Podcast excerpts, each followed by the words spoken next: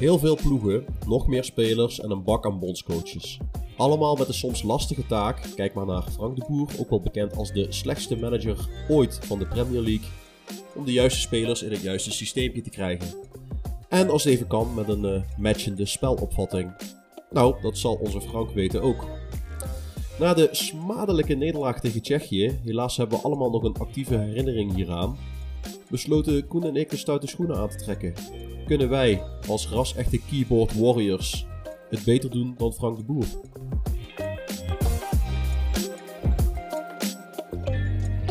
De Voetbal Managers United podcast.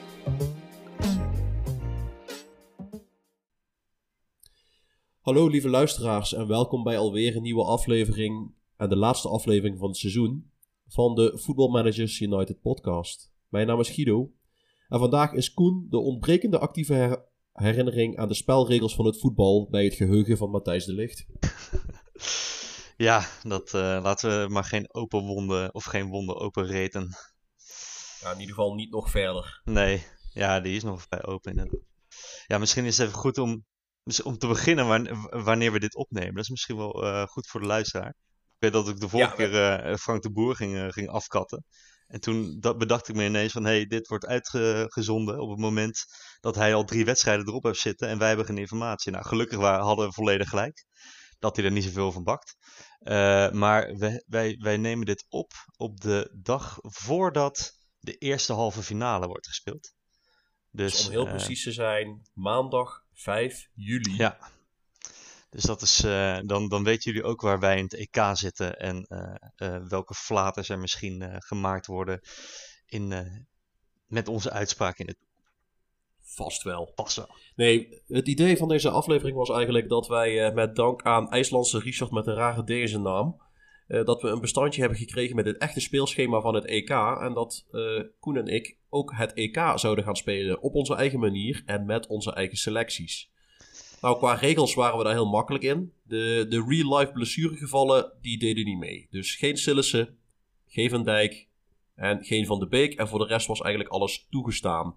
Want anders konden we nog zeggen van... Ja, maar kijk, jullie hebben gewonnen, want jullie hadden Van Dijk er wel bij. Bijvoorbeeld. En nou, we willen ook gewoon wijzen dat we in alle opzichten superieur zijn naar Frank de Boer. Zeker. En niet alleen omdat wij de, beslis de beschikking hadden over Virgil van Dijk.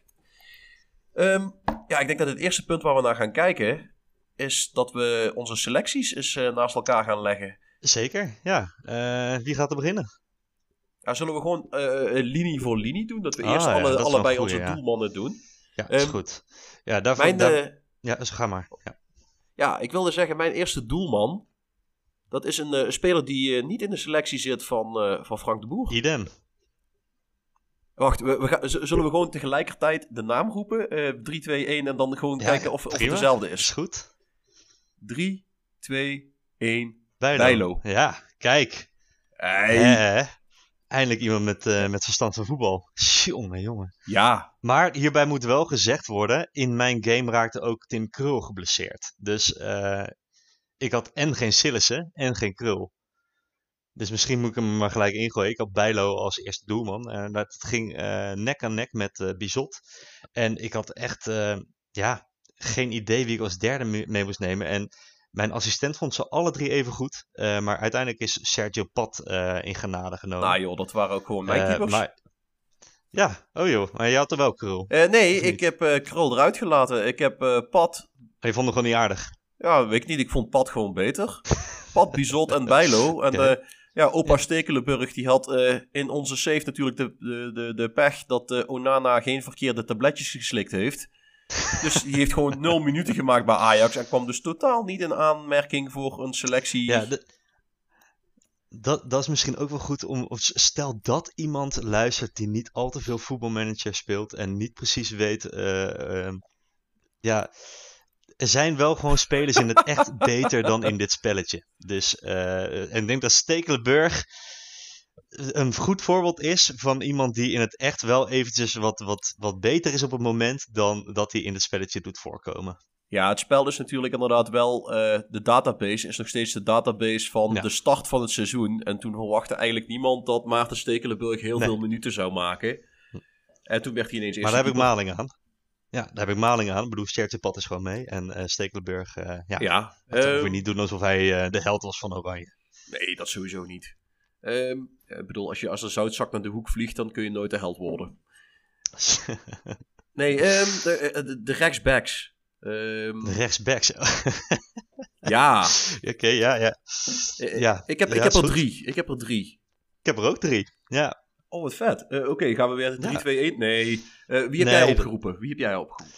Nou, ja, dan moet ik eventjes, eh, eh, moet me eventjes een moment geven. Eh, ik heb allereerst Rick Karsdorp opgeroepen. Ehm, daarnaast eh, Hans Hatenboer.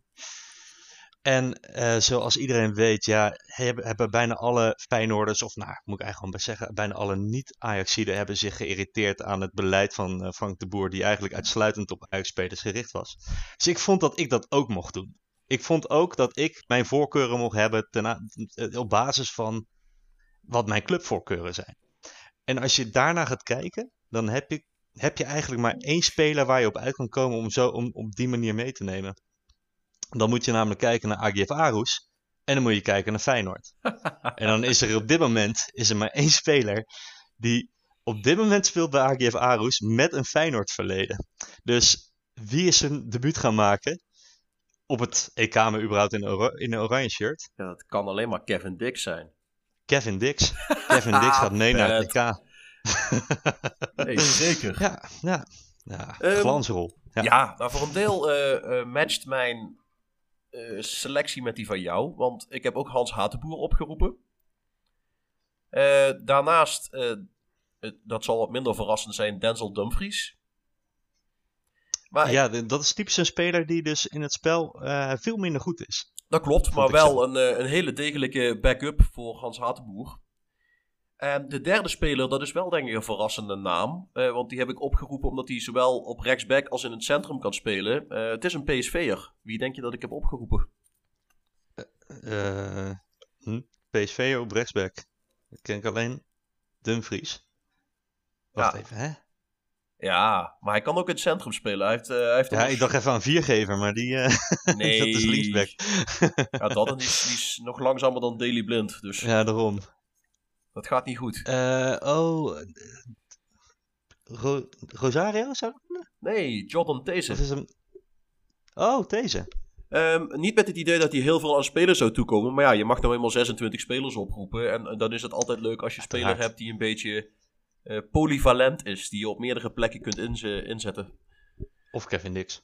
Of Kevin Dix. Ik had eigenlijk van jou Thomas Verhaar wel verwacht. Maar hey, wat niet is kan er Ja, komen. nou, we, we, zijn, we zijn nog niet bij de spits natuurlijk. Nee, dat Spitsen?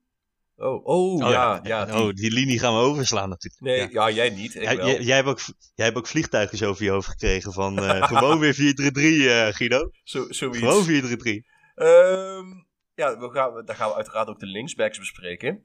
Eh, ik heb er dan maar twee opgeroepen. Ehm, ik ook. Ja, ja, dan kunnen we, ja goed, die, die andere zeg ik wel het centrum. Ja, Ja. eh, nou, eigenlijk ook drie. Eentje die inderdaad ook weer op Ja, meerdere plekken ja, ik, ja en die, als je er zo kijk- naar kijkt, dan heb ik er vier opgeroepen. Eh, maar haat- we, we houden het even op twee. Ja, maar mijn eerste keus was dit keer Owen Wijndal. Ondanks het feit dat ik hem gewoon echt als niet aardig vind. Ik wou het zeggen, dat, dan, dan heb je wel je principes Ja, even bij laten gaan. Maar het is wel de beste Nederlandse linksback die er is. Oké, daar kan Ja, ik nee, niet- die heb ik ook eh, opgeroepen. En dan mijn tweede keus was een Feyenoorder. Ma Bij mij ook. Malasia! Zeker. ik had ook jaar, ja. Ja, kijk, eh, en dan heb ik eh, ja, een beetje eh, à la Jordan These, eh, Daily Blind, als, eh, als multi-inzetbare speler die zowel links op de backplaats als centraal kan spelen. Ik weet eigenlijk helemaal niet waarom ik Van Arnold niet heb meegenomen. Die, die is die mij ook niet in mijn keuze voorbij gekomen. Ja, waarschijnlijk. Hè? Nee, hij, eh, in het spel Ja, is ja. Patrick van Aanholt niet echt een, een hele Nee, goede voetballer. Helaas voor Patrick van Hm. Aanholt. Waarmee wij niet Patrick van Aanholt een slechte voetballer willen noemen. En mocht je in onze podcast willen Nee, komen, Patrick, je bent van harte welkom. Zeker. Jij wel. Ehm, Nee, dat, eh, dan gaan we, gaan we naar de centrumverdedigers. En eh, daar heb ik denk ik wel een eh, opvallende naam bij zitten. Ik heb, eh, even kijken, Ik niet echt. 1, 2, Nou, misschien een beetje. 3, 4... Ja, zeg maar, als ik, eh, ik heb vijf centrumverdedigers opgeroepen, Ik waarbij ik die eh, multi-inzetbare spelers even niet meereken. Oh ja, nou, die zet ik nu dus juist in het centrum. die anders op de bek hadden gestaan. ik, ik denk dat we Stefan de Vrij en Matthijs de Licht allebei hebben opgeroepen. Dat is mijn eh, centrale duo eh, wat in de basis staat, ja. Precies, en bij mij ook. Ehm, ik, eh, Ja. Moet ik zeggen, ik denk dat we Nathan Arke ook allebei in de selectie gehad hebben. Zeker, ja. En ik speelde wel met drie centrale verdedigers. En ik denk dat de middelste centrale verdediger bij jou op het middenveld gaan, gestaan heeft. Daily Blind heb je het zeker over. Nee, Frenkie de Jong. Oh, maar ja, oké, maar dat is gewoon een middenveld. Zo zie ik het. Ja, maar die heeft bij mij, die heeft bij mij als eh, libero Ah. centraal achterin Ah, ja. gespeeld. Met een, de, de vrijheid om door te schuiven naar het middenveld. Wat, hij, wat hij ook deed. En eh, een debutant eh, uit de Bundesliga van Augsburg. Oh, je bent een. Jeffrey Niet. Gouwenleel. Ah, nice. Met het idee... Ja, ik, heb, ik heb voor Wesley Hoed gekozen. Oh, dat is ook een leuke. Ja, die heeft, ja, heeft niet echt een minuut gemaakt volgens mij. Maar eh, ik zeg, ja, zijn attributen zien er vrij aardig uit. Dat is alleen niet snel. Maar dat is eh, zijn grootste manco. Ja, dat, wat, dat had Gouden Leeuw dan wel. Die was en redelijk in de lucht en niet langzaam. Waarvan ik Ja. denk, nou ja, voor als eh, vijfde keuze centrumverdediger ben je al goed genoeg. Hier moet ik even tussen een. eh, er valt me hier gelijk iets op. We hebben beide dus eh, niet gekozen voor Joe Veldman. Nee, natuurlijk niet. Nee, nee. En bij mij heeft dat niet een reden omdat hij slecht is of iets. Eh, ik heb eigenlijk helemaal niet naar zijn attributen gekeken, eerlijk gezegd. Want ik, ehm, ik, ik hoor altijd de bondscoaches zeggen: je moet niet de beste spelers meenemen, maar het beste team meenemen. En aangezien ik een pleurishekel heb aan Joe Veldman, zal de sfeer nooit ten goede komen als wij Joe Veldman bij de selectie Ja, eh, ik, ik, ik kan, toevoegen. kan me daar nog, wat was dat, dat momentje tegen eh, Sparta volgens mij, waar die doet alsof hij de bal gaat uitschieten om dan vervolgens Dat is te vrij symbolisch.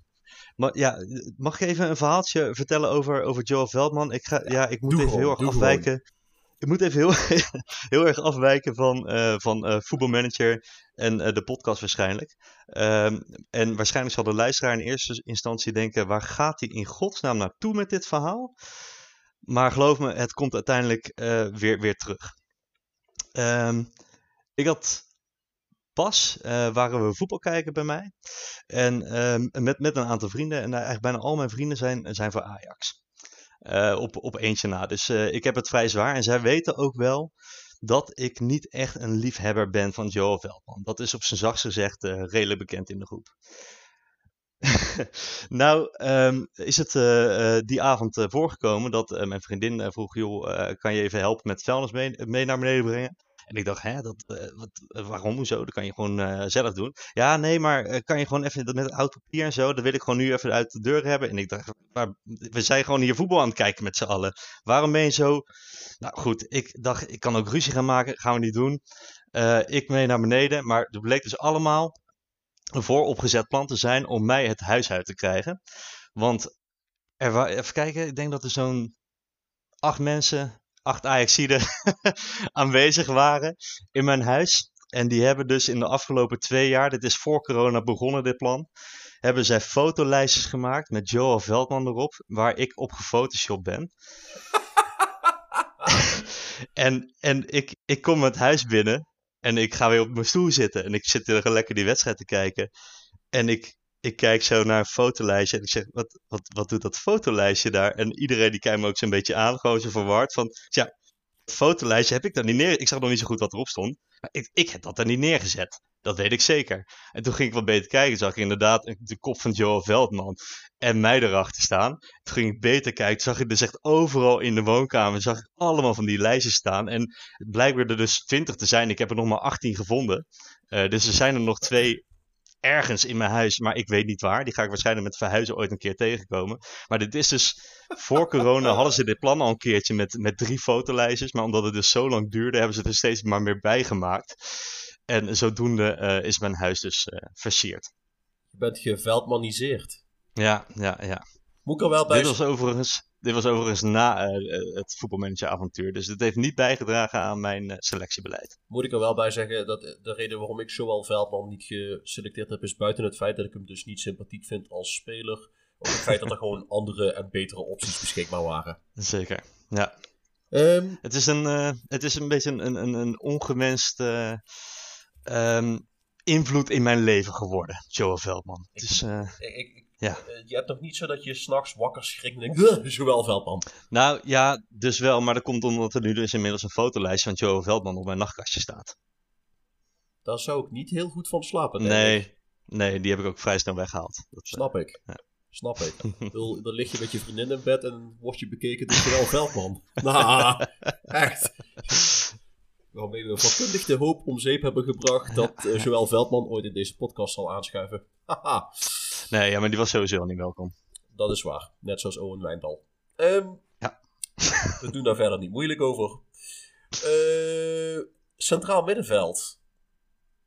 Ik heb er... eh, Centraal middenveld. Even kijken, ik heb er 1, 2, 3, 4, 4,5. Maar wel Ik veel debutanten. Ik heb wel debutanten. Oké, ik heb er heb, je, zes. heb, je, heb je debutanten? Nee, volgens mij niet. Oeh, ik heb wel de, zal ik dat de debutanten eerst doen? Is goed. Ik heb eh, opgeroepen uit de Serie A van Bologna, Jerdy Schouten. Oké, oké. Ik heb opgeroepen van SC Heerenveen, Joey Veerman. Ah, nice. Ik heb, eh, ja, de andere zijn wat minder verrassend. Eh good old Davy Klaassen, Dyson Davy. Ehm Martin de Roon, omdat het eh, voor wat ik wil, wat hij gaat doen, is hij gewoon de beste. Namelijk gewoon mensen in de weg lopen, de bal afpakken en hem dan aan iemand van hetzelfde kleur, met Mhm. dezelfde kleur Ja, t-shirt geven. En ik heb als laatste middenvelder Teun Koopmeiners, die eigenlijk nergens echt goed in is, maar eigenlijk ook nergens echt Heb slecht in is. En die kan eigenlijk Heb ik overal nou spelen. nergens Wijnaldum gehoord? Eh, ja, oh ja, bij Nalom heb ik meer als aanvallende middenvelder ingezet. Ah, maar die- Oh, wacht, dat is voor jou een aparte linie inderdaad. Ja, die is, die is wel opgeroepen voor Oranje. Ja, ja, ja, ja. Oké. Nee, ja, Koopmeiners wilde ik meenemen, maar ik heb een fout gemaakt bij het, bij het eh, maken van de selectie. Waardoor die dus al voor het jonge, eh, voor, voor eh, Oranje onder 21 was meegenomen. Dus Oeps. dat was een beetje een eh, blundertje. En dat geldde ook voor Gravenberg, maar ik weet niet of die had meegenomen. Maar Koopmeiners was wel een beetje vervelend. Die wilde ik eigenlijk wel mee. Maar ik heb eh Wijnaldum, De Jong, eh De Roon ook. eh Klaassen ook. En verder heb ik eh Toornstra, uiteraard. Hè? Hey. Feyenoord voorkeur moet wel een beetje doorschemeren. en Prupper heb ik meegenomen. En dan gaan we hebben we het over, uiteraard over Davy en niet over Robin Prupper, want die is nu de schande van heel Twente. Misschien heb ik de verkeerde mee. Nee, nee, ik heb wel Davy Prupper meegenomen. Nee, daarom. Ik, ik zeg het maar even voordat we dadelijk boze Herakliden in onze mailbox krijgen. Eh, wij keuren het ook af dat je tekent voor de aartsrivaal. Koen als Feyenoorder snapt hoe dat is als een van je betere spelers. niet doen. Niet doen. Ja, te laat nou. Ehm, heb jij vleugelmiddenvelders het te laat nou? Nou ja, het is toch rond, Hoe bedoel je te laat nou? Is het rond? Ja, nee, nee, wel toch? Niet? Ja, eh, ik ben heel eerlijk, ik ben Dat zeg je mij iets nieuws. Ik was er wel helemaal vanuit gegaan dat dit, eh, dat dit niet rond is. Ik ga nu het nieuws checken. Nee, volgens mij is dat zo goed als rond. Domme. Maar goed, ehm, heb jij vleugelmiddenvelders opgeroepen, Koen? Ja, gewoon links en rechts buiten bedoel je dan. eh, of, Ja, je- precies. Heb je, heb je Ja, vleugelspelers opgeroepen? ja, ja, ja. Zeker. Uiteraard Berghuis en Bergwijn. Ik, eh, ik heb Depay opgeroepen. En ik heb Kluivert opgeroepen, Justin Kluivert. Eh, vind ik ook geen sympathieke speler, maar ik vind ja, in voetbalmanager is hij gewoon best wel eh, aardig. En eh, dit is denk ik de laatste die ik heb toegevoegd aan mijn selectie, omdat ik ook gewoon nog een 26e speler nodig had. En dat is toch El Ghazi, die heb ik geappt. Van, joh, je mag toch mee. Ik, ik doe niet zo moeilijk. ik denk dat wij grotendeels dezelfde mensen hebben opgeroepen. Want ik heb inderdaad Bergwijn, Kluivert en El Ghazi op de flanken. En eh één verrassende, eh, ook weer een, eh, een debutant van PSV, Mo Ihataren. Oh ja, ja omdat die ik vond denk- ik ook niet zo heel erg goed met de attributen. Ja, maar die heeft, die heeft het hele seizoen niet gespeeld. Dus die is uitgerust. Dus die heb je ook nodig. Ah ja, oké, oké. Nee, vo- in voetbalmanager heeft hij natuurlijk wel gewoon gespeeld. En Doniel Malen was geblesseerd bij mij. Dus ik, had, Ah. ik had wel nog iemand Ja, bij mij was Vormer geblesseerd, die wilde ik ook meenemen. Maar Ruud Oh. Vormer, eh, helaas, ja. Ja, dat was bij mij dus bij Malen. Noah Lang. Want ik had wel serieus naar Noah Lang gekeken en naar Doniel Malen, maar die waren allebei geblesseerd. En vandaar eh, dat Mohamed Ihataren deel uitmaakt van mijn selectie, samen met El Ghazi, Kluivert, Bergwijn en dus eh, geen Berghuis. Geen Berghuis. oké, Iemand die zijn club zo in de steek laat, die heeft geen plek in het Nederlands Ja, dat wist ik op dat moment nog niet. Ehm, kijken we even. Ik heb het aanvallende middenveld natuurlijk als een aparte linie. Dat is denk ik vergelijkbaar met, met jouw spitsen. Ik denk dat je het zo kan stellen, inderdaad. Eh, want ik speel uiteraard zonder spits. Dan hoeven we ook niet moeilijk te doen over zetten we nou Luc de Jong erin of zetten we nou Wout Weghorst erin. Gewoon allebei niet. Nee, Dus dan, dan heb je daar ook. ehm, voor die positie kwamen in aanmerking eh, Ryan Gravenberg en Jorginho Wijnaldum en Memphis Depay. En eventueel zou je daar dus ook Joey Veerman neer kunnen zetten, maar die had ik al een keer genoemd. Oké. Eh, ja, ik heb natuurlijk geen... eh, ja, ik heb wel aanvallende middenvelders mee, maar die heb ik allemaal een keer genoemd. Eh, ik heb gewoon spitsen. En ik heb gekozen voor eigenlijk de twee spitsen waar het al de hele tijd om ging in het EK. Wout Weghorst en Donjo Malen. Ja, iets, iets beters hebben we eigenlijk ook niet echt, hè? Nee, ja, Luc de Jong eh, heb ik thuis gelaten. Die eh, vond ik niet zo goed. En eh, ja, inderdaad veel beter. Luc de Jong had ook een slecht seizoen achter de rug eh, in mijn game. Dus, en Wout Weghorst niet. In dit Dat echt was ook een wel. van de redenen. Ja, nee, dat snap ik. Dat... Realistisch spel, realistisch spel. Inderdaad. Nou, dan hebben we denk ik de, de selectie wel gehad, hè? Ja, dan, dan gaan we nog heel even kijken naar in welke verbastering van de Hollandse school treden we allemaal aan. Ehm, dan laat ik jou even aftrappen. In, in, Ja, ik, wat is je ehm, tactiek? nou, ik ben eerst begonnen met, ja, ik, ik heb- ben sowieso voor de, voor de gegenpress gegaan. Eh, omdat dat bij mij gewoon het beste werkt vaak. En ik moest redelijk snel iets, iets op, op de mat brengen wat, eh, wat acceptabel was. En dan is dit voor mij meestal me- de makkelijkste uitweg. In plaats van een eh, 5-3-2. Hè, Frank? Ehm, maar ik ben dus begonnen met een 4-2-3-1. Eh, waarbij ik dan eh Wijnaldum op, op 10 had gezet. Of althans, eh, was dan spelmaker. Ehm, maar dat ging niet heel goed eigenlijk. Ik had wel het dominante spel. Want nu heb ik het eventjes over de, de oefenwedstrijden. Ehm, ik weet niet of je daar nog eerst over... Nee, ik ben begonnen in, in maart met het spel. Dus ik had eerst nog twee oefenwedstrijden tegen Marokko en Ecuador. En die tegen Ecuador heb ik zelfs verloren met 1-0. En tegen Marokko maar krap gewonnen met 2-1. Eh, beide wel gewoon goed gespeeld, maar ja, gewoon geen doelpunt te maken. En, en toch ook gewoon eentje tegenkrijgen. Auw. En daarna in mei, eh, toen het er echt, ja, het EK echt aankwam, toen heb ik nog 3-3 gelijk gespeeld tegen Zwitserland. Dus ook die generale ging echt eh, bedroevend. Ook wederom weer veel beter dan tegenstander, maar toch drie goal- goals tegen. Dus toen moest ik tegen Spanje in eh, een oefenduel. En toen dacht ik, nou, ik ga het eventjes eh, anders proberen. Ik, ik doe het zonder 10, of zonder 10 positie. En doe met de punten achteren. En eh, even net wat andere rollen. En eh, toen won ik met 3-0 van Spanje. En eh, heb ik ze echt ook van de mat geveegd. Dus ik dacht, nou, oké, dit, dit wordt hem. Ik heb, het, ik heb het door. Dus ik speelde met twee hangende vleugelspelers, namelijk Berghuis en Depay. En een hangende spits. Soms Malen, soms Weghorst. Zodat Depay en Berghuis, die kunnen dan eh, juist eh, naar de goal toe gaan. Terwijl de spits eigenlijk meer als eh, verbindingsstuk speelt. Op het middenveld heb ik dan de Roon als balveroverende middenvelder. de Jong als spelmaker voor de defensie. En Wijnaldum als Mezala.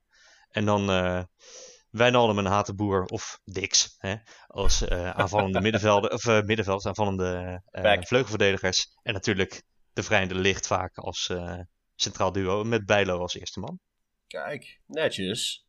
Nee, ik ben eh, uitge- ja, uitgegaan. Eh, ik heb gekeken naar wat, eh, wat Frank de Boer deed. En toen gedacht, ja, maar dat kan ik beter wat jij doet. Dus het is wel een eh, soort van 5-3-2. Al is het bij mij meer een 5-2-3 geworden. Ehm, ik, begin even, ik begin van achteruit. Eh Bijlo op doel. Als sweeper-keeper. Als meevoetballende doelman. Ehm Frenkie de Jong als middelste centrale verdediger en dan in de rol van aanvallende libero. Dus die schuift heel erg ver door het middenveld op. De Vrij en de Licht als mandekkers daarnaast. Op links als eenzame wingback Owen Wijndal en op rechts Hans Hatenboer. Waarbij de linker wingback wat conservatiever is dan de rechter. Omdat aan de rechterkant dadelijk de veldbezetting iets anders gaat lopen. Uh, centraal op het middenveld uh, de Roon als balveroverende middenvelder. En in eerste instantie wilde ik gaan spelen met Klaassen als Mazala. En dat ging in de oefenwedstrijden eigenlijk niet goed. Dus er is heel snel Wijnaldum op die plek gaan, gaan spelen. En die deed dat wel heel goed. Uh, in één wedstrijd heeft hij zelfs drie keer een assist gegeven op Joey Veerman als invaller. Dus Joey Veerman een hat tegen Rusland in, een oefen, in de oefencampagne. Zijn eerste interland voor Oranje gelijk een hat-trick. hey. Heel nice. Um, dan voorin heb ik niet uh, drie, aanvallers op, uh, drie aanvallende middenvelders opgesteld. Althans niet drie man in het centrum. Eén uh, rechtsbuiten als inverted winger. Bergwijn of Ihataren. Die dus als mm -hmm. vleugelspeler naar binnen trekken. En de bedoeling is eigenlijk dat Wijnaldum in dat gat duikt tussen de, tussen de aanvallende middenvelders in het midden. En waar de vleugelspeler komt te staan.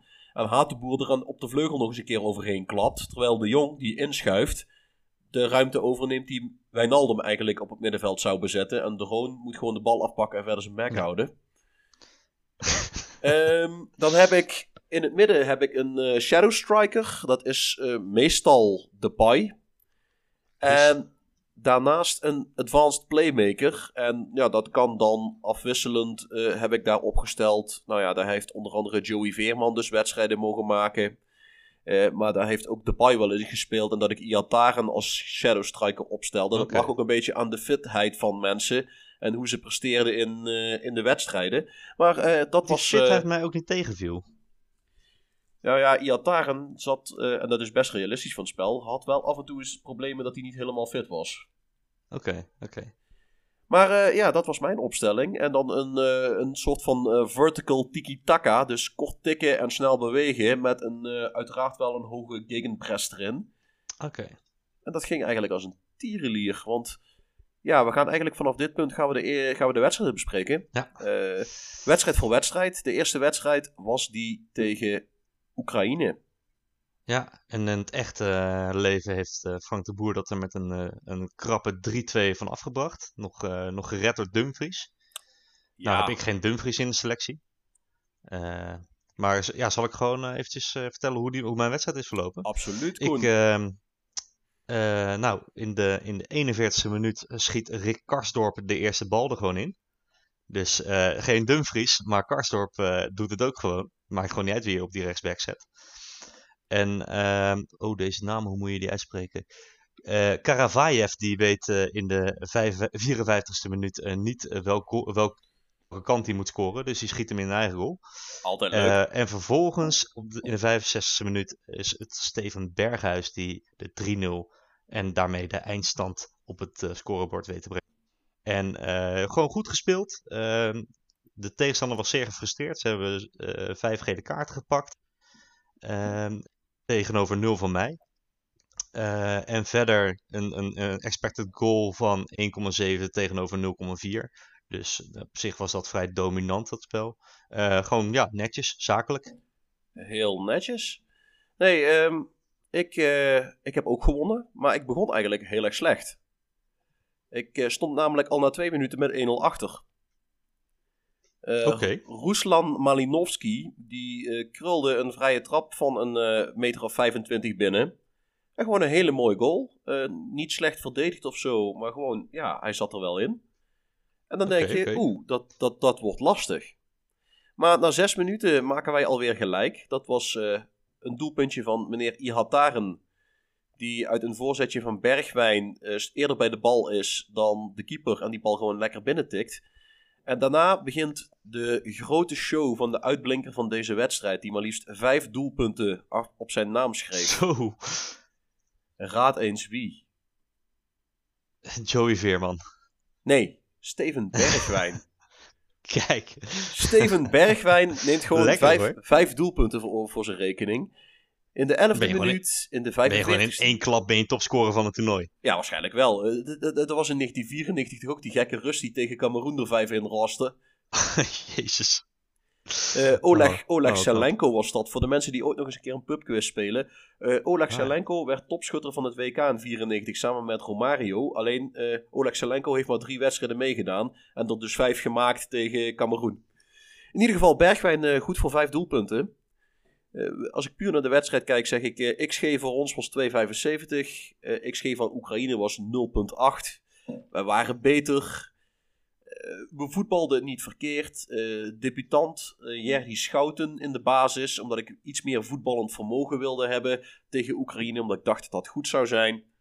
In de rust heb ik Schouten dus netjes naar de kant gehaald voor de Rode en gedacht, nou gewoon een ouderwetse sloper erin en alles omschoppen met een geel shirt aan. Dat ging prima. Dus de eerste wedstrijd hebben wij allebei gewonnen, waarbij wij uh, nou. het allebei denk ik wel beter gedaan hebben dan de boer. Ik vind ook gewoon 1-0 voor ons nu. Ja, ja, ja. ja. En, uh, ja. Ja, geen, geen doelpunt dan van de Bay. Dus uh, geen, geen, uh, dat, dat, dat, daar ben ik trouwens wel dankbaar om. Dat uh, FM geen juichanimaties heeft. Eh, kun, je, kun je je al voorstellen dat spelers hun eigen oren gaan visten of in de Ronaldo-pose gaan staan op het moment dat ze de leuk zijn, joh. Zou toch leuk zijn? Ja, ik weet niet. Ik denk dat ik me in no time ook mateloos zou gaan ergeren op een speler die de, hè, de 5-1 gemaakt heeft in een verloren wedstrijd en dan even vijf flikvlaks er tegenaan gooit. Ja, dan mis je hem toch? Ja. Nou, bij, Fortuna is dat trouwens, bij Fortuna is dat trouwens twee jaar geleden een keer gebeurd. Dianessi. Oh, uh, toen verloren we met 4-1 en hij scoorde ergens vlak voor tijd een keer. En dat die trainer zei, jongen, doe normaal, eikel. We hebben met 4-1 verloren met je salto. Oh, nice. Ja, nee, en terecht. Ja, en terecht. Uh, tweede wedstrijd. En dan, tweede uh, wedstrijd. Oostenrijk. Ja, die werd in het echte leven werd die, door Frank de Boer met 2-0 gewonnen. werden redelijk makkelijk in het zadel geholpen natuurlijk door een penalty. En, oh ja, wie schoot ook weer die tweede erin? Wat was het ook alweer? Ben ik even vergeten. We hebben in ieder geval met 2-0 gewonnen. En ja, uh, onze, actieve herinnering, uh, onze actieve herinnering is enigszins af aan het nemen. Ja, het was ook een, vreemde setting in hoe ik die wedstrijd keek. Dat, uh, maar goed, dat is voor, was voor je, later. Was je bezopen? Nee, nou ja, dat altijd. Maar nee, ik was, met werk was ik, was ik even weg. En ik heb dat dus met, met mijn collega's gekeken. Maar in een zaal, omdat de lobby van het hotel was, was uh, niet geschikt. Dus ik heb in, in een soort vergaderzaaltje met een beamer hebben we die wedstrijd gekeken. En ik heb er een foto van gemaakt. Ik zal je zo toesturen. Het is echt de meest sneuwe setting die je kan voorstellen voor, een, voor het kijken van een, uh, van een uh, Nederlands elftal wedstrijd. En ik had naar mijn vrienden gestuurd en die zeiden zo, hoe was de begrafenis? Dus dat was de samenvatting ja, dat Zegt, zegt wel iets over de zeg genoeg, ja. Dat zegt wel Misschien heeft dat wat afgeleid. Ja. Enigszins, vast wel. de tweede was van Dumfries trouwens. Oh ja, tuurlijk. Ja, die was toen betrokken bij elk doelpunt. Precies, uh, weer, weer 5 miljoen bij zijn marktwaarde. Ja, ja, ja. uh, goed, uh, onze, onze eigen wedstrijden. Nou, um, ik kreeg ook gelijk een penalty mee, dus dat was wel fijn. Um, dus Donjan Malen die schoot hem, schoot hem gelijk in. in de dertiende minuut. Arnautovic kreeg gelijk geel. De Pai schoot er 2-0 erin in de 24e minuut. In de 49e minuut kreeg Arnautovic rood. Dus uh, ook in die zin is het een vrij realistisch spel. En in de 50e minuut uh, schiet wederom de Pai uh, wederom de 3-0 in tegen de touwen.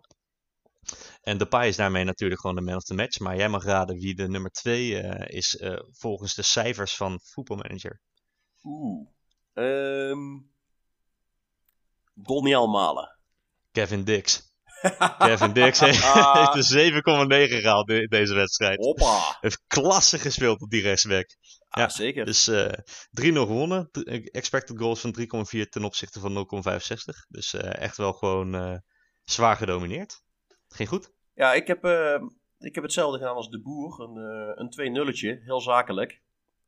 wij, ja, we begonnen eigenlijk best wel lekker. Na drie minuten ging Bergwijn op avontuur op rechts. En die trof een Oostenrijkse linksback met de draaicirkel van uh, dat schip wat ooit in het Suezkanaal vastgezeten heeft. Uh, so, dus ja, daar, die, daar ging hij gewoon heel makkelijk langs. En toen kwam hij voor de keeper.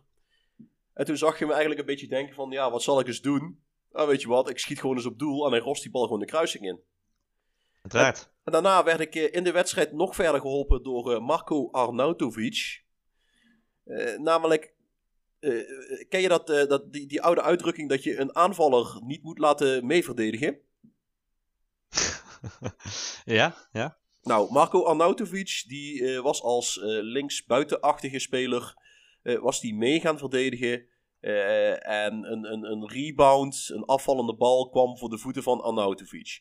Nou, dan, je hebt zelf ook achterin gespeeld, hè Koen? Zeker, ja. Dan hebben ze je ook wel eens geleerd dat je eigenlijk nooit door het midden moet uitverdedigen. Dat heb ik in de F'jes, uh, is me dat ingetaperd door mijn trainer. Ja. ja, nou, wat doet Marco Arnautovic? Die neemt die bal op de punt van de 16 aan. En die legt hem gewoon terug naar binnen toe, richting zijn eigen keeper. En ondanks het feit dat Memphis als een soort van uh, wegwerker in een fel fluoriserend oranje shirt daar staat, slaagt Arnautovic er toch in om hem volledig over het hoofd te zien. Dus hij schuift die bal in de voeten van Memphis en Memphis denkt, hey, een bal, daar kan ik iets mee. En die tikt hem in een, uh, in een leeg doel. Waarvan ik denk, nou, dat is een hele goedkope 2-0. Uh, daarna heb ik ook gelijk doorgewisseld met het idee, ik moet toch mensen sparen voor de wedstrijd tegen Noord-Macedonië. Want da daar wil ik ook uithalen. Uh, dus het is een, een, een laf 2 nulletje met een uh, XG van ons van 1.85 tegenover een XG van Oostenrijk van 0.06. Dus Oef. ja, ze hebben ook heel weinig paraat gemaakt. En ja, ik klaag niet. Nee, dat snap ik. Nou, ik zou zeggen doorpakken. Toch? Ja, zeker. Door Macedonië. Dat brengt ons bij de derde wedstrijd tegen Noord-Macedonië. En ja, ik ga, dan ga ik wel even door met uh, wat ik tegen Noord-Macedonië gepresteerd heb. Nou, bij mij werden er geen doelpunten afgekeurd van Noord-Macedonië. Uh, Noord-Macedonië maakte er een enorme schopwedstrijd van. Die hebben acht, ge acht gele kaarten gepakt. Oeh, ik had er vier tegen. Ja, um, Noord-Macedonië heeft één keer op doel geschoten. Bij mij hebben ze drie keer geschoten, waarvan geen op goal. Nou, één keer op doel en die ging ook nog naast. Dus uh, uh, okay. ik, XG van 0.02. Um, Oef. Maar ja, wij hebben het redelijk rustig aangedaan. Uh, we kwamen na 27 minuten op 1-0 door een doelpunt van Wijnaldum. Die een, uit een hoekschop uh, kopte de vrij de bal in. En de keeper hield hem niet klem vast. En Wijnaldum liep er gewoon tegenaan. En toen was het 1-0. Toen is de 2-0 van Ihataren afgekeurd wegens buitenspel. Wat het overigens ook wel was. Daar had je niet eens een VAR voor nodig. Die stond gewoon echt 4, 5 meter buitenspel. Gewoon uh, een, een voorzet de 16 in. En de hele verdediging stapt. En onze aanvallers stappen mee terug. Behalve Ihataren. Ja. Die blijft staan en die tikt die bal dan in. En een, ja, een beetje juichen. Maar ja, daar had, je de, daar had je de herhaling niet voor nodig. Zeg maar om te zien dat het buitenspel was. En op slag van rust was daar weer het goudhaantje van het EK. Steven Bergwijn. Bergwijn. Steven Bergwijn is, uh, ja, uh, als het niks wordt met voetballen, kan hij altijd nog bij de Nederlandse atletiekploeg gaan. Want uh, die rent daar weer alsof hij zijn innerlijke Usain Bolt gechanneld heeft. Rent hij er gewoon weer vier man uit. En die schiet die bal erin. Ja, ik word daar heel vrolijk van. Vind ik fijn. Ja, je weet hoe, hoe ik tegenover snelle spelers sta. Dat, ja, ik, ik, ik, ik, denk dat jij hier ook heel vrolijk van was geworden. Uh, dat is zeg maar zo'n doeltrap die dan gelijk wordt opgenomen. Die wordt dan naar voren gepeerd. En dan komt hij toevallig bij je aanvaller terecht. Die dan gewoon een stuk sneller is dan alle anderen. En die bal er gewoon in rost. Nou ja, Steven Bergwijn. Een makkelijke 2-0. En uh, Koen, Noord-Macedonië. Ja, ja, ja. Ja, ja uh, Noord-Macedonië. Ja, ik had ook een buitenspelgoal in de negende, of negende minuut. Uh, de Pai. Die werd helaas afgekeurd. Maar twee minuten later was het al raak door Wijnaldum. Die schoot 1-0 erin. Uh, 21 minuut Berghuis. Hè? Ik had een andere uh, berg had ik, uh, had ik op rechtsbuiten staan. schoot in de 21 minuut 2-0 erin. En hij schoot in de 40 minuut ook de 3-0 erin. En toen, 78e minuut, kwam er een moment dat de keeper een, van Macedonië, Noord-Macedonië een vrije trap nam. En die nam die niet heel goed. ook een beetje halverwege aan de zijkant van, zijn, van de eerste van zijn eigen helft. En die kwam voor de voeten van Justin Kluivert. En die deed een eh, Patrick Schiekje. Oeh. En die schoot hem vanaf de middellijn zo het doel in. Dus uh, dat was al 4-0. En in de allerlaatste minuut, of uh, althans 92e minuut, schoot Bergwijn dit keer de 5-0 erin. En uh, met 45 schoten, waarvan 19 op goal, een XG van 4,38. Ben ik wel redelijk uh, dominant geweest deze wedstrijd. De dus het was uh, echt, echt, echt klasse. Ja. ja, en daarmee hebben we natuurlijk dan de groepsfase beëindigd. Ja. Nou, dan ben ik voor de aardigheid eens een keer gaan kijken naar hoe, in hoeverre klopte de groepsfase van mijn EK met het echte EK. Ja. bij groep A uh, daar zag ik dat uh, Turkije niet laatste is geworden en netjes doorgegaan is. Uh, groep B klopte wel redelijk, België en Denemarken. in groep C, in onze eigen groep, is Noord-Macedonië tweede geworden met vier punten. Oh. Dus die hebben zich gewoon geplaatst voor de volgende ronde. Eh, groep D, Engeland, Kroatië, Tsjechië. Dus dat matcht wel redelijk met de realiteit. In groep E, Spanje, Polen, Zweden. Wat dan weer niet helemaal klopt, want Slowakije is er dan uitgevlogen. Ja, maar die is er ook uitgevlogen in het echt, toch? Die hebben zich toch... voor- die- nee, nee, die- nee, die hadden te weinig. Die waren derde geworden, maar die hadden te weinig. eh Ja. waren niet bij de bovenste derde. Zeg maar. Precies. Eh, en, in groep F, eh, ja, Spanje, Portugal, Duitsland en Hongarije op één punt. Waarvan ik denk... Frankrijk, Portugal, Duitsland bedoel je? Ja, ja, sorry. Frankrijk, Portugal, Duitsland, inderdaad. En bij jou? Nou, bij mij ook Turkije die eh, geen laatste werd. Het was Wales eh, die eh, met drie punten onderaan eindigde. Dus daar zat een, een, een hiaat. Maar Denemarken deed het bij mij gigantisch slecht. En dat deed pijn bij mij, zoals je begrijpt. Ja. Ehm, Finland en Denemarken allebei eruit. Rusland eerste in deze pool. What the Dus fuck? dat was een, ja, dat was echt een vreemde pool. Nederland met Oekraïne door, samen, Oostenrijk en Noord-Macedonië allebei eruit. Noord-Macedonië gewoon nul punten. Tsjechië eruit in plaats van Schotland. Eh, Zweden eruit in plaats van Slowakije. Verrassend. En ehm, Hongarije heeft gewoon geen enkel puntje gehaald. En dat werd Portugal, Duitsland, Frankrijk. Maar dan ben ik wel benieuwd, wie heb jij in de tweede ronde gelood? Ik heb Polen gelood. En ik moest spelen tegen Denemarken. Oef. Ja, Eh, hoop ik wel een beetje dat je verloren hebt eigenlijk. Dat Sterf. kan maar jam. Nee, ehm, ik heb gespeeld tegen Denemarken. Ehm. Ik ben wel gaan wisselen. Eh, ik heb eh, ervoor gekozen om de Roon nou toch echt op te stellen in plaats van Jerdy Schouten vanwege de defensieve betrouwbaarheid. Ja, ja. En wij hebben die wedstrijd eh, gewoon heel netjes met 3-1 binnengehaald. Wa- waarvan ik wel zeg, het klonk eenvoudiger dan het was. Want wij kwamen heel mooi al heel snel op voorsprong door een doelpunt van Depay, die daarna zijn eigen hoofd stond te vesten. Eh, in mijn verbeelding. In mijn verbeelding, want in het, echt, in in het spelletje zit die juichanimatie dus niet erin. Daar, eh, daar heb je geen spelers die hun vingers in hun eigen oren lopen te duwen of zoiets. Daar steken ze nog wel eens gewoon een handje omhoog en daar heb je het dan ook wel mee gehad. Gewoon oldschool juichen. Eh, in ieder geval, eh Depay die opende de score na, ik denk, een minuut of twintig. Eh, snelle aanval, teruggetrokken voorzet van Hatenboer en Depay loopt hem bij de tweede paal binnen. En op slag van rust maken wij de tweede treffer van Mo Ihataren, die sowieso eigenlijk best wel lekker op dreef was. Ehm, dit keer was het een steekbal van Wijndal en Ihataren die sprint weg bij zijn verdediger en lepelt de bal over de keeper heen. Nou, dan denk je vrij weinig aan de hand, hè, maar dat is niet hoe voetbalmanager werkt. Want dan sta je voor en dan denkt het spel, laten we het een beetje moeilijker voor je maken. Dus net na rust heeft eh, de Jong, nee sorry niet de Jong, heeft de Licht een of andere kortsluiting in zijn bovenpam. En die besluit om Dolberg onderuit te schoppen. Ergens in de hoek van het strafschopgebied waar totaal niks aan de hand is. nou, dan ken je, eh, zeg maar, je kent die voetbalwet ook van als je zelf een penalty hebt meegekregen, moet je hem niet zelf Zeker, nemen. ja. Ja, nou, Dolberg kent die wet niet en die schoot hem dus volle bak tegen Bijlo aan. En in de rebound nog eens een keer. Ehm, dat verklaart overigens ook waarom Denemarken überhaupt zo'n hoge XG had. Want dat waren zo'n beetje de enige die twee schoten op doel. Maar goed, ehm, net na die gemiste penalty maakt Ihataren zijn tweede van de wedstrijd. En dan wordt het 3-0. En dan had ik eigenlijk gehoopt om eh, de 0 te houden. Maar ja, de, de lompse speler aller tijden, eh, die ooit een Denemarken shirt gedragen heeft, scoort dan toch vlak voor tijd de... Braithwaite. Ja, hoe wist je dat? Eh, ja, dat is eh, toch schandalig. Of, nou, dat is meer schandalig dat hij een, een Barcelona-shirt aan heeft gehad ooit. Nou ja, het is ook wel echt zo'n typische kick-and-rush actie. Eh Schmeichel trapt de bal lang uit. Eh Sisto blijkt sneller te zijn dan Daley Blind, die op linksback was ingevallen. Wie had dat verwacht?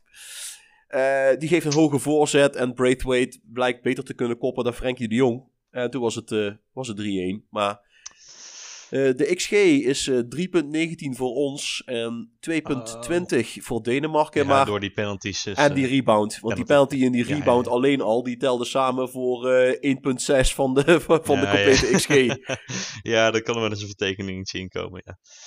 En goed, eh, ik was natuurlijk wel een beetje bang voor eh, Lewandowski. Want eh, dat was de enige speler die er wat van bakte. Al zag Blasikowski ook er nog steeds bij zitten. Wist ik helemaal niet dat hij nog steeds speelde. Maar goed. Ehm, de volledige eindstand is in 27 minuten op het scorebord gewerkt. En de, op, in de 14e minuut schiet Malen de eerste erin. Frenkie de Jong de 2-0 in de 24e minuut. En Martin de Roon schiet in de 27e minuut de 3-0 erin. Dus het is een uh, hele solide zakelijke overwinning geweest. Die uh, geen moment in gevaar is gekomen. Uh, heel die wedstrijd gedomineerd. XG van 2,04 tegenover 0,85. Lewandowski is echt nergens in de buurt gekomen. De Licht is ook de man of the match geworden met een, met een 8. Dus die zal hem waarschijnlijk volledig hebben uitgeschakeld. En ja, eigenlijk alle spelers hebben echt klasse gespeeld. Ik had Dix ook niet opgesteld. Misschien ligt het daaraan. Dat, ik denk dat dat wel belangrijk is in zo'n wedstrijd. maar uh, nee, uh, voor mij was op dit moment ook Karstorp geblesseerd. Dus ik heb Hatenboeren opgesteld. En Karstorp had eigenlijk vaker de voorkeur. Um, maar echt iedereen ging, deed het goed. Ik had eigenlijk wel verwacht dat je Thomas Verhaar had opgeroepen en hem dan gewoon tegen ja. Noord-Macedonië had opgesteld. Ja dat, ja, dat had wel gekund, hè. Daar heb ik eigenlijk een beetje spijt van. Misschien kan ik hem nog een keer opnieuw doen. Ik, als ik even kijk naar de andere uitslagen in de tweede ronde bij mij. Zweden schakelt Frankrijk uit met 3-2. Oeh, netjes. Maar ja, dat is realistisch, want uh, uh, Frankrijk is dus inderdaad in de achtste finale naar huis gegaan. Uh, ja, Noord-Macedonië schakelt Turkije dan weer uit. Wat volgens mij politiek gezien nogal gevoelig ligt in die contraien. Oké, oké, ja. twee, doelpunt, twee doelpunten vlak voor tijd van Elmas Analioski. even kijken, Duitsland verlies van Engeland, dus dat klopt dan wel weer. Zwitserland verlies van Spanje. Portugal gaat met 4-0 eraf tegen Kroatië. Oef. Uh, de Polen. Dat deed bij mij ook niet goed. Nee, de Polen verliezen van de Belgen. En Italië was met 5-0 over de Tsjechen heen. nou, bij mij uh, Oekraïne wint van Rusland. Over politieke gevoeligheden uh, gesproken. Auw. 2-1. Spanje met penalties langs zij bij Schotland. Frankrijk wint met 2-0 van Italië. Kroatië stuurt Zwitserland naar huis. Uh, Portugal verliest met 1-0 van Slowakije. Duitsland wint met 2-1 van België. En Engeland moet naar huis omdat ze verliezen van Turkije. Heftig. Dus uh, ja, dat zijn best wel verrassende uitslagen bij mij. En wie heb jij dan in de, halve, in de kwartfinale gelood? Spanje, de, het land waar ik 3-0 van had gewonnen in de voorbereiding. En ik mocht aantreden tegen onze favoriete IKEA-meubelbouwers. Oh, Zweden. Kijk eens. Absoluut, absoluut, absoluut. En ja, die wedstrijd tegen Zweden was een, uh, een on-Zweeds spektakelstuk. Want Zweden staat normaal gesproken wel bekend om een beetje saai, voorspelbaar voetbal. 4-4-2. Ja, precies. 4-4-2. het ziet er allemaal niet uit. En uh, na 20 minuten was de wedstrijd eigenlijk gespeeld. Want toen was het 4-0. Oh, nou kijk, beetje zoals uh, mijn wedstrijd tegen Polen. Ja, Mo Ihataren die was moe. Dus Joey Veerman die mocht zijn basisdebuut maken op het EK. En na 11 minuten dacht Joey Veerman, goed, weet je wat, ik schiet dus gewoon op doel. En ik denk dat de keeper van Zweden dat hij een, eh, een zonnesteek had of zo. Of uh, misschien dat hij even dacht aan uh, de Zweedse gehaktballetjes van de Ikea die hij na de wedstrijd zou eten of zo. Want hij stak ook gewoon geen hand uit. En okay. hij zag gewoon een bal van 25 meter langs zich doorvliegen het doel in. Waarvan ik, nou, ik denk, ik klaag niet. Hè? Een, gegeven, een gegeven doelpunt moet je ook niet in de bek kijken. Nee, zeker. Dus uh, ja, uh, 1-0 voor, uh, voor ons. heel snel al gevolgd door een tweede doelpunt. Toen wie anders dan Steven Bergwijn demareerde op de rechterflank. En in plaats van een voorzet beschoot om de bal gewoon laag in de hoek te plaatsen. Waarvan ik denk, ik klaag niet. Ik, ik vind het fijn dat jij dat doet, Steven. De 3-0 kwam uit een voorzet van Malasia, die de geschorste Wijndal verving. En Memphis kon die voorzet wel op waarde schatten. En pegelde hem snoeihard op de volley binnen. En de 4-0 kwam van Frenkie de Jong, die een afgeslagen corner ineens op de slof nam en in de kruising deponeerde. Nou, toen haalden we een beetje de voet van het gas, hè? spelers sparen en zo. Vlak voor rust mocht Alexander Isaac mocht er 4-1 van maken. Een onachtzaamheidje van Stefan de Vrij. Vlak na rust kwamen wij weer op 5-1 toen de licht een vrije trap van Memphis binnen tikte. En helemaal in de slotfase kwam de Zweedse versie van Steven Bergwijn in de ploeg. En die bleek toch echt wel sneller te zijn dan Daily Blind. En ik, ik ben best wel hardleers als het gaat om het opstellen van Daily Blind. Uh, ik blijf denken dat het een alternatief is op linksback en dat is het niet. Uh, Robin Quaison, of Quaison, weet ik veel hoe je het uitspreekt. Uh, hij was in ieder geval snel. Hij is, nou ja, vergeleken met Daily Blind in ieder geval wel. Ja, maar je moet eens kijken naar die compilaties uh, van, van uh, Matthijs de Licht. Van hoe hij uh, zulke geweldige verdedigende acties doet bij Nederland zelftal. Als je dan kijkt waarom hij dat dan elke keer moet doen. Dat is elke keer omdat Daily Blind een sprintduel niet meer kan winnen. Nee, dat geloof ik moet, gelijk. Moet, dan moet Matthijs de Licht het oplossen. Nee, dat geloof ik gelijk. En, en, en niks ten nadele van Daily Blind. Het is een hele goede voetballer. Maar er is eigenlijk geen enkele plek in het Nederlands elftal waar hij echt rendeert. Ah ja, ik zou hem op de nummer 6 of zo. eh, Gewoon uh, verdedigend middenveld. Dat zou een goed plek zijn, zou ik zeggen. Maar Tegen een tegenstander die niet heel veel loopvermogen heeft, zou dat kunnen. nee. Maar in ieder geval, uh, we hebben die wedstrijd dus met 5-2 gewonnen. Uh, XG van 2,8 tegenover een XG van 1,2 voor Zweden. Dus nou, valt niet heel veel op af te dingen. Gewoon lekkere, regelmatige zegen. En hoe ging dat bij jou, Koen? Nou, tegen Spanje, never change a winning team. Ik had zelf natuurlijk met dit, uh, met dit team al 3-0 gewonnen, dus ik uh, vol vertrouwen er tegenaan. Uh, en het was een stroperige, stroeve wedstrijd, waarin eigenlijk, nou ja, de, de gezamenlijke XG kwam op anderhalf uit van beide ploegen, zeg maar. Dus 0,63 tegenover 0,92. Uh, dat geeft niet echt spektakelstuk aan. Nee. En het is ook uh, in een 1-0 geëindigd. En helaas in mijn nadeel. Uh, maar daar moet ik wel zeggen dat ik vind dat Louis Enrique hier vals heeft gespeeld. Heeft hij, heeft hij gereload? Ik, hij, ik mocht geen Van Dijk meenemen. Ik mocht geen Donny van der Beek meenemen. Ik mocht ook geen Sillissen meenemen. En wie scoort de 1-0 tegen mij? Ansu Fati. Ansu Fati. Boe. Godsamme. Dat is niet ja, eerlijk. nee, ja. Eigenlijk wilde ik inderdaad van opnieuw spelen. Gewoon om deze reden. Maar dat, ja, dat is ook mijn eer te na. Dus uh, dit was een, uh, een pijnlijke nederlaag die ik ook niet helemaal zag aankomen. Maar een volledige off-day van heel mijn selectie. Niemand heeft boven de 6,5 gehaald. En dat, uh, en, en dat ja, wel, alleen bijloos het zien. En dat terwijl Rafael van der Vaarsen niet eens geprikkeld heeft met uitspraken. Nee, ja, nee, dat is... Ja, ze, ze, ze, ze, tikte me helemaal suf, maar ze, ze vergaat het dit keer niet af te maken. Zonde dat je... Ja, ja. Maar, dat is nog beter dan de boer. Ik maar... wou zeggen, op de schaal uh, in, in, in het geheel van het ding ben je toch een ronde verder gekomen dan Frank. Dat zeker, ja. En tegen Spanje uitgeschakeld, hè. Dat is ook wel beter dan tegen Tsjechië uitgeschakeld worden. Absoluut. Dat, uh, dat moeten we ook wel zeggen. Um, nou, ik loop dat heel... door valspelerij ook. Ja. Lopen we heel even het verhaal door uh, van de rest van de kwartfinales. Bij mij heeft Engeland ja. met 5-0 van de Belgen gewonnen. Uh, okay. Kroatië verliest met 3-2 na verlenging van Italië. En Noord-Macedonië gaat er uh, heel laat met 2-1 tegen af tegen Spanje. Waarbij de Spanjaarden in de 93e minuut de winnende, doel, de winnende treffer weten te forceren. En Macedonië heel erg lang met 1-0 voorgestaan heeft. Ik denk wel dat de conclusie is, als ik dit zo aanhoor, dat het niet verstandig is om je poeltje aan de hand van voetbalmanager in te vullen. Nee, nee daar, klopt, daar klopt er helemaal geen zak van. We, bij mij zijn het in ieder geval vrij logische uitslagen nu wel in de, in de kwartfinale. Als je naar de statuur kijkt. Duitsland uh, wint gewoon van Slowakije. Frankrijk stuurt Turkije naar huis. En Kroatië wint van Oekraïne. En uh, Nederland verliest net als in 2010 met 1-0 van Spanje. Ja, ja, dan gaan we naar de halve finale. En dat doe jij niet ja, meer ik mee. doe niet meer mee, maar oké, okay, ja. dan kun je mij vragen stellen. Of zo. Ja, is goed. Nou, tegen wie, tegen wie kwam je? Ik mocht, ik mocht aantreden tegen de Engelsen. En, Want, ah, it's coming home. Nou, dus. Zouden ze al gechanteerd. Ja, tuurlijk. Het, hm? het, het, hele stadion. En de andere halve finale was dus voor de oplettende luisteraars Spanje tegen Italië. It's, Oeh, kijk, it's coming home. dat klopt gewoon. Ja. It's, uh, nee, eigenlijk kloppen, kloppen er bij jou gewoon drie, drie, fina drie halve finalisten. Ja. Dus oh. nou, ja, dat wordt, dat, dat, wordt dan weer te, te niet gedaan door het feit dat Noord-Macedonië in de kwartfinale stond. ja, ja, misschien wel, maar ja. Hè? Maar, uh, Kennen we normaal. Ja, nou ja, uh, ik denk, uh, hè, we gaan weer behoudend spelen. dus De Roon en geen Schouten. Hatenboer, Wijndal. ik vond eigenlijk dat Malasia, die wilde ik belonen voor zijn sterke wedstrijd tegen de Zweden. Dus die heeft gewoon fucking basisplaats gekregen.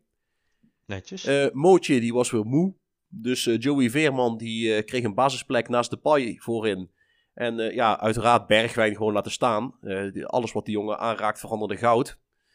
Nou, ik denk dat de toon voor de wedstrijd wel al werd gezet in de, in de tweede minuut. Toen eh, de Roon een gele kaart kreeg voor een overtreding waarvan ik dacht, daar had je ook rood voor kunnen geven. Want hij, hij, eh, hij, hij speelt de bal, maar volgens mij speelt hij eerst de tegenstander om bij de bal te komen. En eh, iets zegt me dat dat eh, niet mag bij, bij voetbal. Ja, het ligt een beetje aan of je een Engelse scheidsrechter hebt. Maar aangezien je tegen Engeland speelde, lijkt me dat sterk. Nee, ja, we hadden ook geen Schotse scheidsrechter waarvan ik denk, nou, die, die ah, vindt het leuk als we tegen Engeland spelen op die manier. Ehm, dus ja, een, een, noem je dat dan een donkergele kaart? Ja, donkergeel toch? Of geel met een rood randje? kan allebei, denk ik. In ieder geval, we kwamen goed weg. Uh, echt een, eh, een hele smerige overtreding van, uh, van Martin de Roon. Nou, twee minuten later denkt Ben, ben Chilwell, wat jij kunt, dat kan ik ook. en die schopt me daar toch Steven Bergwijn een partij onderuit. Waarvan ik denk, joh, dit is niet tof wat je nou doet. Ik wil... Speelt Chilwell? Ja, Chilwell had een basisplek. Maar waar, waar speelt hij? In, bij Chelsea. Chelsea, oké. Ja, ik zat even te denken of er misschien een vete was tussen Bergwijn en uh, nou ja, het zijn Chilwell in het seizoen. Het zijn twee Londense clubs, dus dat, dat, dat kan. Spurs en Chelsea, dat zijn volgens mij niet echt vriendjes. Nee, ja. Maar ja, uh, Bergwijn staat wel aan de basis van de 1-0. Want uh, hij staat wel licht geblesseerd met zijn oranje, oranje kruisje. Maar ik, oh ja. Maar ik denk, nou ja, ik stel je toch gewoon op, want je staat er nou eenmaal in en je scoort. Dus hij stond aan de basis van de 1-0, want met een afdraaiende voorzet vindt hij Depay in het strafschopgebied. En die schiet dan de 1-0 binnen. En daarna krijgen we dus echt een ordinaire schoppartij. Waarin blijkt dat uh, Nederland best aardig mee kan in kick-and-rush voetbal, zolang we niet met uh, twee centrumverdedigers spelen.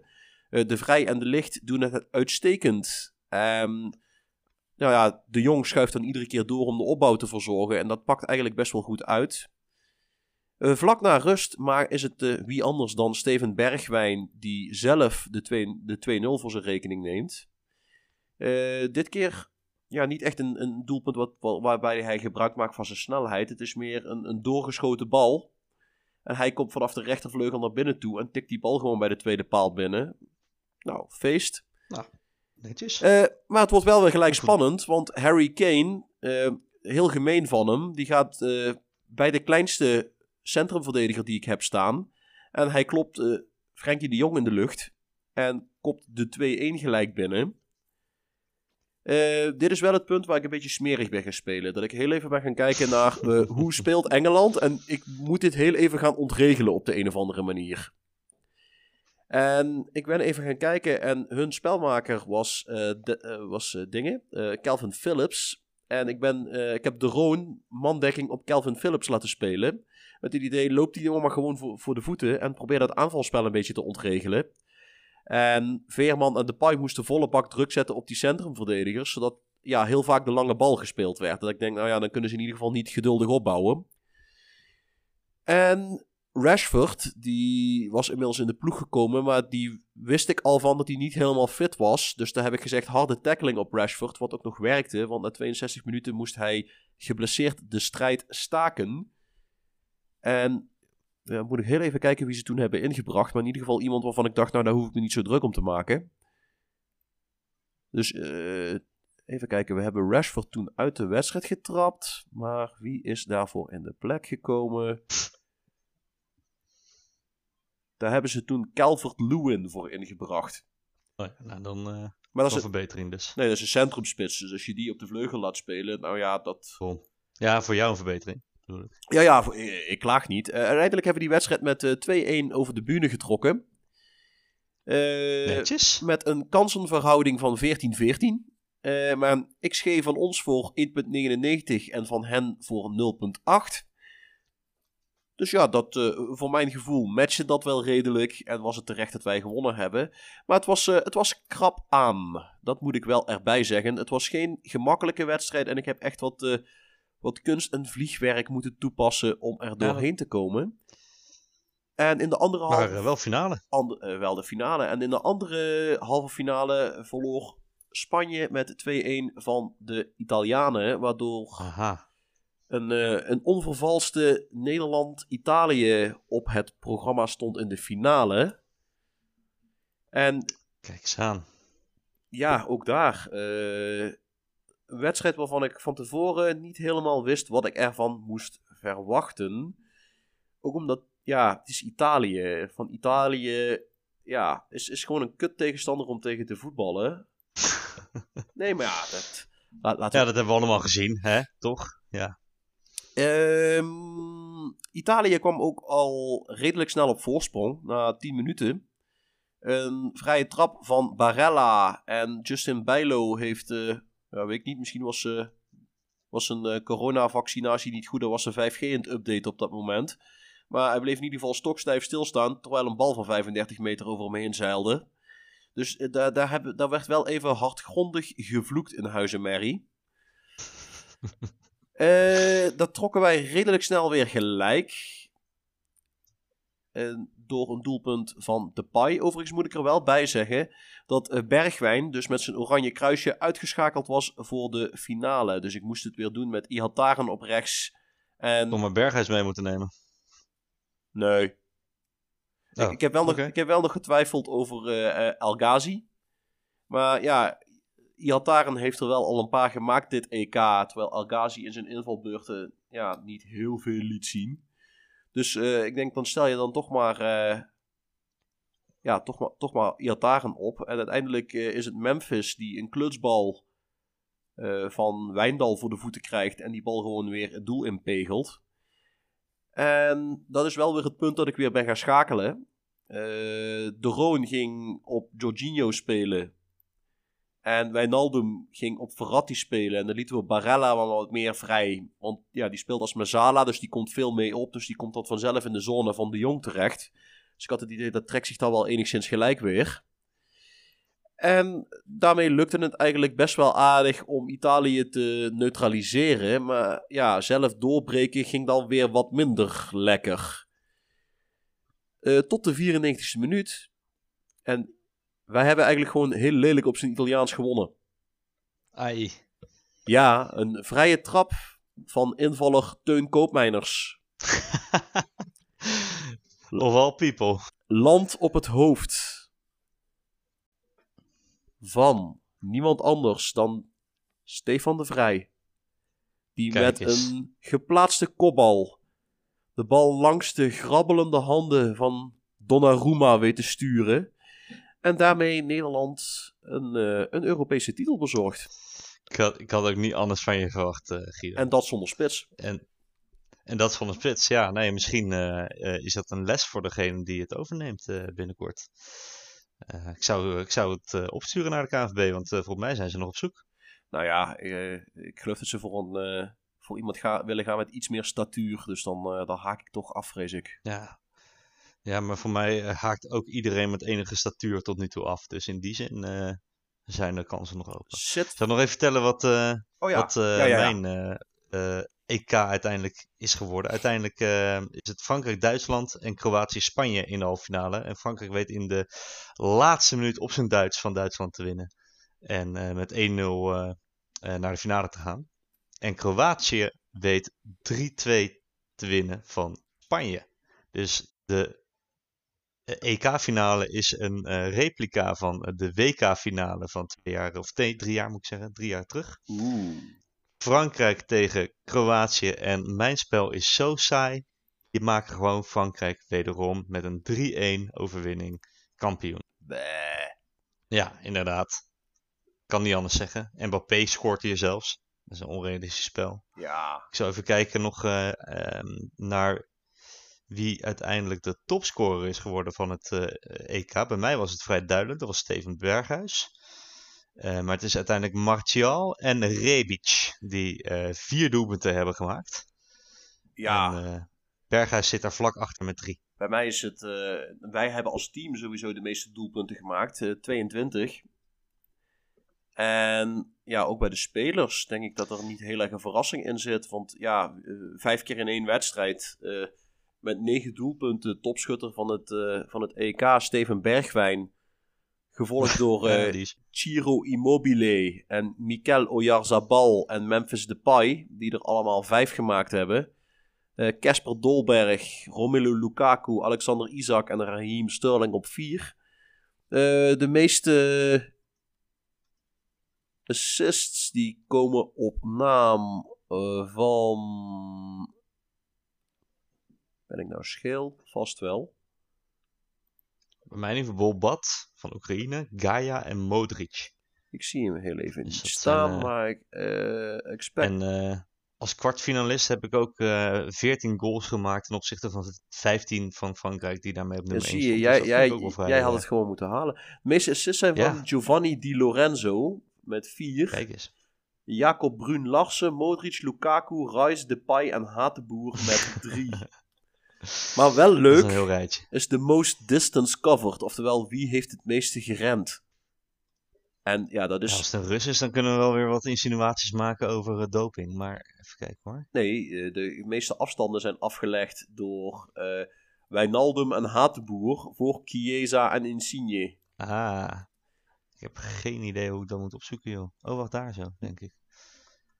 En de meeste afstand in één wedstrijd is afgelegd door eh, Spinazzola van Italië. eh, met die eh, 15 kilometer in één wedstrijd gerend heeft. Doe maar, doe maar. Ja, hij, Even kijken. hij liever dan ik. Ja, bij mij zijn het allemaal Kroaten. Die hebben wat toegediend gekregen, zo te zien. Ja, dat eh, kan echt niet. Maar eh, ja, nee, mijn EK was uiteindelijk eh, een. eh, het- ik, ik had niet verwacht dat het eh, zo vroeg zou eindigen. Met eh 3-0, 3-0, 5-0, 3-0. Ik had ook nog een goal tegengekregen.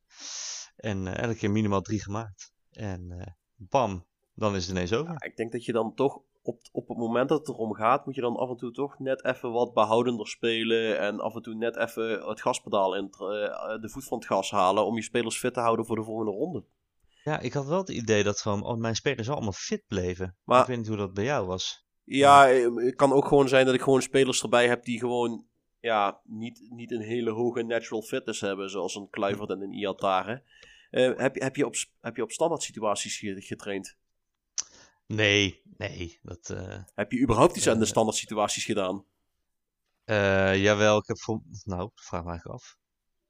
Misschien is dat iets wat dat vergeet ik nog wel eens. Want da daar kun je wel, zeg maar, een wedstrijd die Ah. op slot zit, kun je daarmee, kun je daarmee winnen. Nee, ik heb, daar, ik heb daar niks aan gedaan. Ik heb eigenlijk alleen naar mijn tactiek gekeken. Zie je, de devil is Dat in eh, de, was een eh, misser, was dat. Ja, dat had eh, het verschil kunnen zijn. de devil is in de gelijk, details. Ja, nou, dat zie je, hè. Stefan. Stefan de Vrij in de 94e minuut op een vrije trap van Teun Koopmeiners. Ja, nee, zeker. Nee, zul je toch maar zien dat ik niet moet gaan solliciteren bij de KNVB. Eh, Dus dit, Ja, dan moeten we wel in, het, in, in de match engine van het echte leven, zeg maar, van die enorme katapult inworpen gaan, gaan introduceren. Maar nou, ik denk wel dat we een vliegtuigje kunnen gaan boeken met eh, Frank gewoon zonder spitsen dit keer. Of Jurgen Streppel, wie dan ook de nieuwe bondscoach wordt. Ik weet het niet. Maar eh, ik heb gehoord dat eh, Van Bronckhorst zichzelf nou al kandidaat vond. Ja, nee, nou nee, ja, mag, mag je wel iets genuanceerder zeggen. Die had gezegd, eh, het zou me leuk lijken of dat nou nu is of later. Maar Van Bronckhorst die is altijd van de genuanceerde Ja, maar dat is Daar- hetzelfde als dat ik zeg, het zou me leuk lijken. Dat betekent niet, Het- ja, ach, wie weet. we shall see. Nou ja, ik denk dat we daarmee eh, aan het einde gekomen zijn van onze EK-special. Wat eh, tegelijkertijd de laatste volledige aflevering is van het seizoen. En de cirkel is wel aardig rond, want eh, de pilot-aflevering hadden wij ook met z'n tweeën opgenomen. Ja, Eh, moet ik, er, en eh, moet ik er wel bij zeggen, voor de mensen die denken dat ze nou een aantal weken helemaal niks te horen krijgen, relax. We gaan wel een soort van shorts opnemen van 10 minuutjes. Maar dan kan het best zijn dat je een aflevering zonder Koen of zonder mij erbij krijgt. We hebben ook nog steeds een paar ingestuurde verhalen die we kunnen laten horen, wat we dus ook gaan doen. Dus er komt van alles in de zomervakantie uit. eh, maar het zijn wel maar hele, hele korte verhaaltjes. Dus dat, dat gaat eraan komen. Eh, na de zomer zijn wij weer gewoon terug. Dan gaan we ook weer gewoon een seizoen draaien. Geen idee hoe lang dat gaat duren en hoeveel afleveringen het worden. Want we hebben nou eigenlijk maar een half seizoenetje meegepikt of zo. Maar ja, ik denk dat ik ook namens Koen spreek als ik zeg... eh, wij vonden het in ieder geval super leuk om te doen. Het opnemen van deze podcast heeft ervoor gezorgd dat wij het zelf leuker gevonden hebben om te blijven spelen. En nou, als het al iets heeft opgeleverd, dan is in ieder geval dat geweest dat onze eigen saves daardoor leuker en interessanter zijn. Eh, we hebben het ook heel leuk gevonden dat jullie zo, nou ja, toch vrij massaal naar ons geluisterd hebben. Want we dachten eigenlijk, we nemen die podcast op voor vijf man en een paardenkop. En het blijkt er toch wel iets meer te zijn. Je zou er een, uh, een deel van de tribune mee kunnen vullen in een stadion. Van, met het aantal luisteraars dat we iedere week te, uh, trekken. In de, in de keukenkampioen-divisie zouden we niet bij de ploegen met de slechtste bezoekersaantallen horen. Um, wij willen jullie bedanken voor het luisteren. Als je vragen wil insturen, dan kan dat via Twitter of via podcast.manunited.nl.